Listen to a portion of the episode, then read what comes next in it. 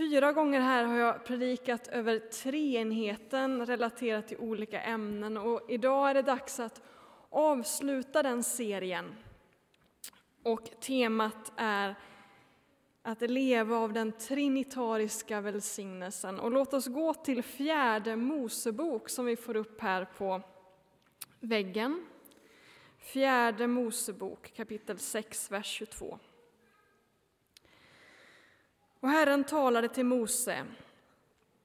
Säg till Aron och hans söner, med dessa ord ska ni välsigna Israels folk. Herren välsigna dig och beskydda dig. Herren låter sitt ansikte lysa mot dig och visa dig nåd. Herren vänder sitt ansikte till dig och ger dig sin fred. De ska uttala mitt namn över israeliterna och jag ska välsigna dem. Ibland blir det ju lite fel när man står här framme, som sist nu när jag skulle hälsa från Carl Gustav Oxelgren. Jag hann se på flera av er att ni trodde, tack vare min felaktiga konstpaus, att han är död, men det är han alltså inte. Han lever och han är på bättringsvägarna. Och en annan gång när det gick så där fel, det var på Bjärka Säby. Det var jag har levt där i två år, men det här hände när jag inte var med. En vän som har berättat det var när Hans Johansson var ny på Bjärka Säby och skulle leda en gudstjänst där. Och det var nattvardsordning han inte var van vid och det gick inget vidare alls. Det blev fel och det blev omvänt och det blev... Ja.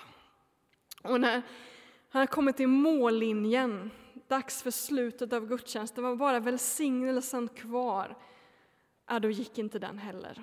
Han fick liksom inte orden att passa och till slut så sa han bara Ni vet vad jag menar, amen. Det var typiskt Hans. För er som kände honom. Ja, ni vet vad jag menar. Ja, vi har hört de där välsignade orden så många gånger. Vi har hört dem i varje gudstjänst. Frågan är bara om vi har förstått vad de innebär. Om vi lever utifrån dem. Huvudpoängen i välsignelsen är ju att Gud har vänt sitt ansikte till Guds folk. Att detta ansikte strålar mot Guds folk. Det där är lite paradoxalt eftersom Bibeln talar om detta ansikte som ett fördolt ansikte. Ett ansikte man varken kan möta eller se. När Mose ber om att få se detta ansikte så säger Gud nej. Mitt ansikte kan du inte få se, ty ingen människa kan se mig och leva. Och Mose får endast se Gud på ryggen, se hans härlighet svepa förbi en klippskreva. Även om Guds ansikte är vänt mot Israel så kan de inte se det.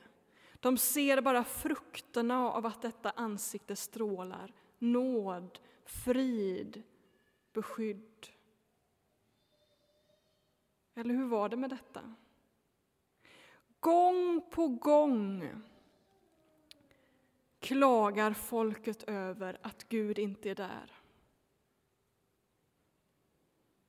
Israel får möta lidanden och förnedring och den där utlovade freden förbytts i ockupation under fientliga makter. Guds välsignelse tycks vara väldigt långt borta. Och så kommer Jesus. Och folket börjar hoppas igen. Och en av dem som hoppas, det är Petrus. Han ser i Jesus en frälsargestalt någon som kan ge seger åt Israel. Och Petrus ber om att få sitta bredvid Jesus när han kröns till konung. Och Petrus skaffar sig ett svärd för att kämpa vid Jesus sida och han lovar evig trohet till Jesus. Jesus är en missförstådd frälsare. Han är inte den som alla hoppas på. Han kommer inte med guld och gröna skogar. Han gör inte det. Och i Petrus liv kan man ana besvikelsen. Förvirringen över att Jesus inte är den som han önskar att han skulle vara. Och Petrus lojalitet ifrågasätts av Jesus. Han säger att Petrus borde inte önska sig platsen på Jesu högra sida eftersom den platsen innebär ett martyrium. Och Petrus är inte lojal nog att kunna dela det martyriet. Och Jesus avvisar Petrus önskan om att få bli livvakt. Han förmanar Petrus när han kommer där med svärdet i Getsemane och han säger att du kommer förneka mig tre gånger på en och samma natt. Och detta sker ju mycket riktigt. Petrus förnekar Jesus tre gånger på den där borggården. Och då detta har hänt, tuppen har galt, då hände följande enligt evangelisten Lukas. Då vände sig Herren om och såg på Petrus. Och Petrus kom ihåg detta som Herren hade sagt till honom. Innan tuppen gal i natt har du förnekat mig tre gånger. Och han gick ut och grät bittert. Då vände sig Herren om och såg på Petrus. Här har vi det ansikte som välsignar. Här ser vi den fördolde guden. I Jesus Kristus, här har vi det ansikte som välsignar. Den osynliga guden har blivit synlig i smärtornas man. Och Petrus vänder bort blicken. Petrus vänder bort blicken. Och det är två saker som han inte klarar av att se. Det är sanningen om sig själv, som speglas i Jesu ögon. Att han inte är den där superhjälten som han önskar sig vara, att han inte är den där trogna lärjungen, att han inte är så lojal som han önskar. Och han vänder bort blicken. Och så klarar han inte av att se sanningen om vem Gud är. Den förnedrade, där i Kajafas palats. Att Gud är smärtornas man. Att det ansikte som vänds mot jorden, en välsignande gest, är ansiktet av den man som lider.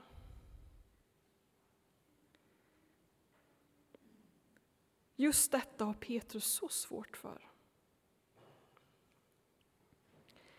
Låt oss lämna Petrus en stund och gå till Johannes 14. Där finns en dialog mellan Jesus och hans lärjungar. Vi får upp den här på väggen. Johannes 14, vers 8-9. Filippos sa Herre, visa oss Fadern, det är nog för oss. Jesus svarade så länge har jag varit tillsammans med er och ändå känner du mig inte, Filippos. Den som har sett mig har sett Fadern. Hur kan du då säga, visa oss Fadern? Evangelisten Johannes betonar detta gång på gång, att Gud är den fördolde, Fadern är den fördolde som ingen har sett eller mött, men att Jesus gör denna fördolde Fader synlig. Den som ser Jesus ser Fadern. Genom att se på Sonen möts man av Faderns välsignelse. Och det här har lärjungarna så oerhört svårt att fatta. Antagligen för att man har så många fördomar om vem Gud är, som Lovisa sa i det här vittnesbördet. Vi har så mycket fördomar om vem Gud är, att vi inte ser honom. Att vi inte ser detta ansikte som är vänt mot oss.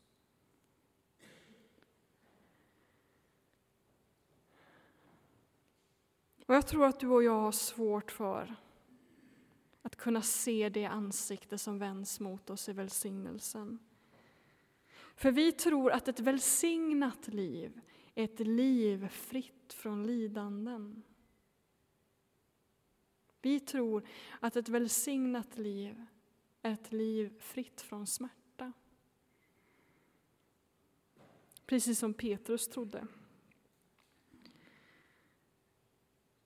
Och när han inser att han har fel, när Petrus inser att han har fel, då lämnar han Jesus, då vänder han bort blicken och går bort och gråter bittert över att Gud inte var den Gud han önskade sig. Och tur är det för mig och tur är det för dig att Jesus inte ger upp så där lättvindligt. Även om Petrus vänder bort blicken så vänder Jesus aldrig bort blicken. Aldrig. Hans ansikte är ständigt vänt mot oss. Han vill få vår uppmärksamhet. Hans blick är fylld av nåd och sanning. Han står kvar tills vi vågar möta hans blick. Tills vi inser att vi inte behöver gömma undan våra synder. Utan han Jesus, han klarar av att se på dem med kärlek. Därför behöver vi inte gömma oss som Petrus. Och Jesus pockar på vår uppmärksamhet tills vi förstår, tills vi på djupet av vårt hjärta förstår att Gud är en lidande Gud.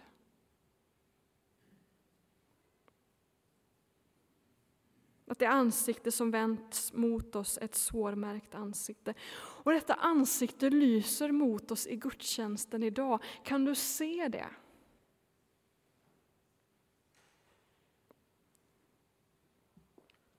Kan du se konturerna av detta ansikte? Eller är det så att du söker Gud på fel ställe i de kraftfulla manifestationerna? Kanske är du som lärjungarna som trodde att Gud alltid uppenbarade sig i rök och eld och dunder och brak.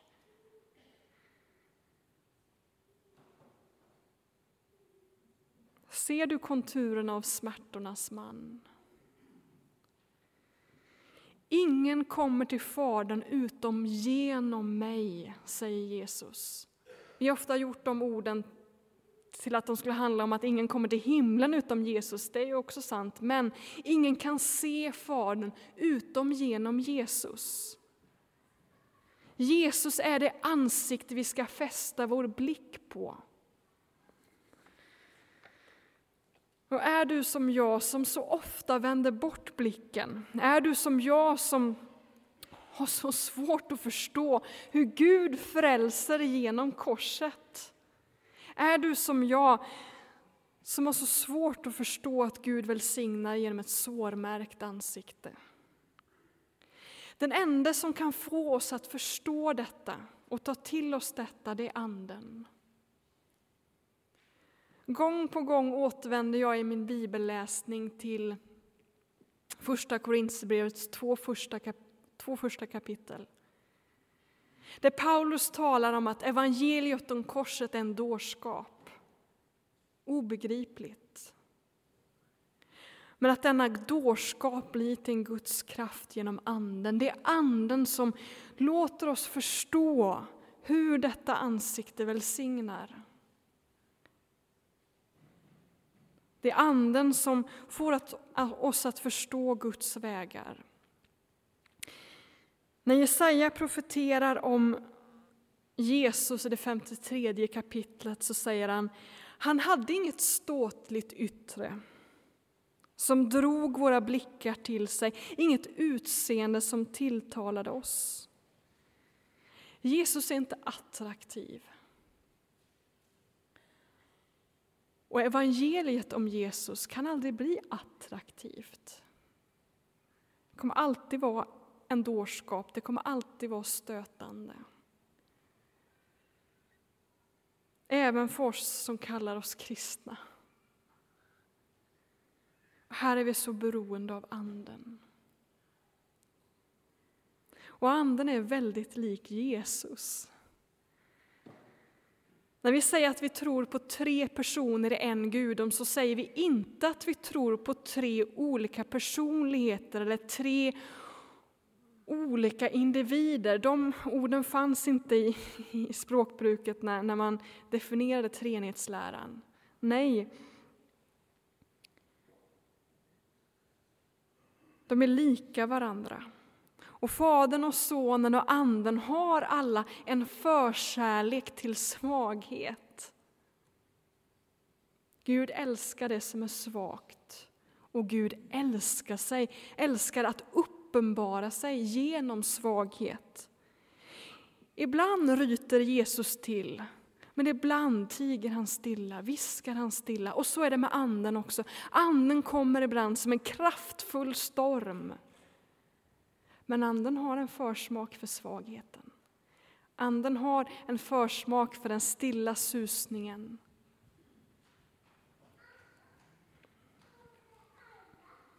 Om du hela tiden söker Gud i de kraftfulla manifestationerna så kan det faktiskt vara så att du går miste om Andens kraft i ditt liv.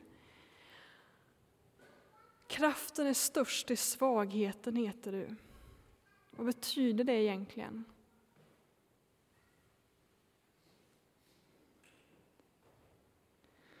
Kommer ni ihåg vad den här predikan handlar om? Att leva av den trinitariska välsignelsen. Och så här lyder den hos Paulus i Andra Korinthierbrevet 13 och 13 som kommer här. Nåd från vår Herre Jesus Kristus, kärlek från Gud och gemenskap från den helige Ande åt er alla. Fadern är den som älskar oss, men han är samtidigt den fördolde den vi inte kan se eller möta. Men denna kärlek blir konkretiserad i Jesus. I Jesus möter vi denna kärlek. Och denna kärlek gestaltas i nåden från honom. Blicken från smärtornas man. Och denna välsignelse innebär en gemenskap med Anden. Genom Anden får vi en relation till smärtornas man.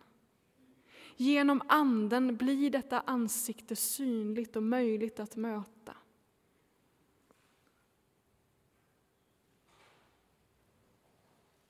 Och det är bara Anden som kan hjälpa oss att förstå hur Gud välsignar genom ett sårmärkt ansikte.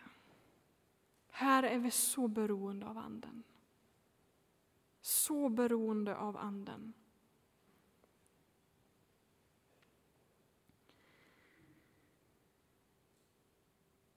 Den här välsignelsen från Andra Korinthierbrevet brukar vi ofta använda i våra gudstjänster och sist vi firade nattvard här så använde sig Kenneth av den från och jag har hört den några gånger här också från 1917 års översättning och då heter det inte gemenskap från den helige Ande utan den helige Andes delaktighet.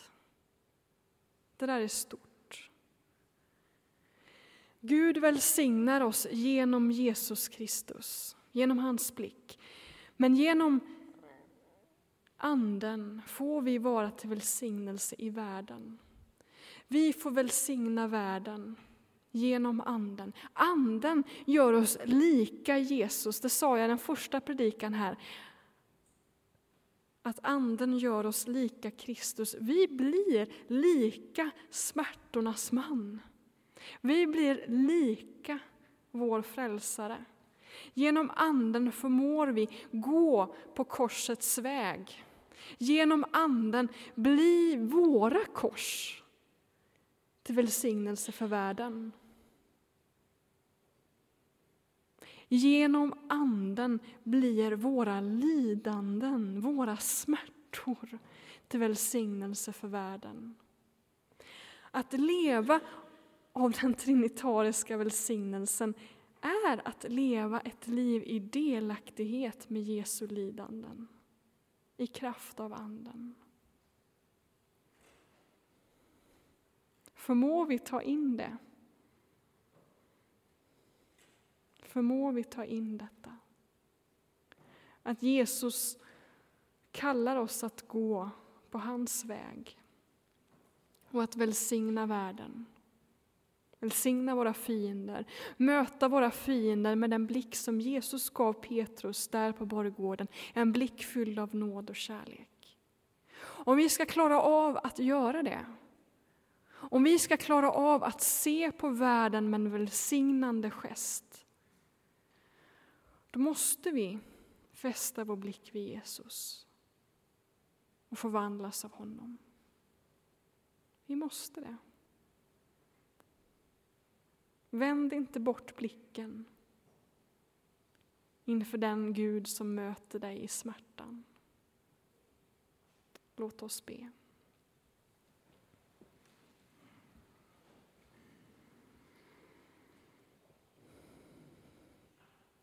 Fader, detta evangelium är så svårt att fatta.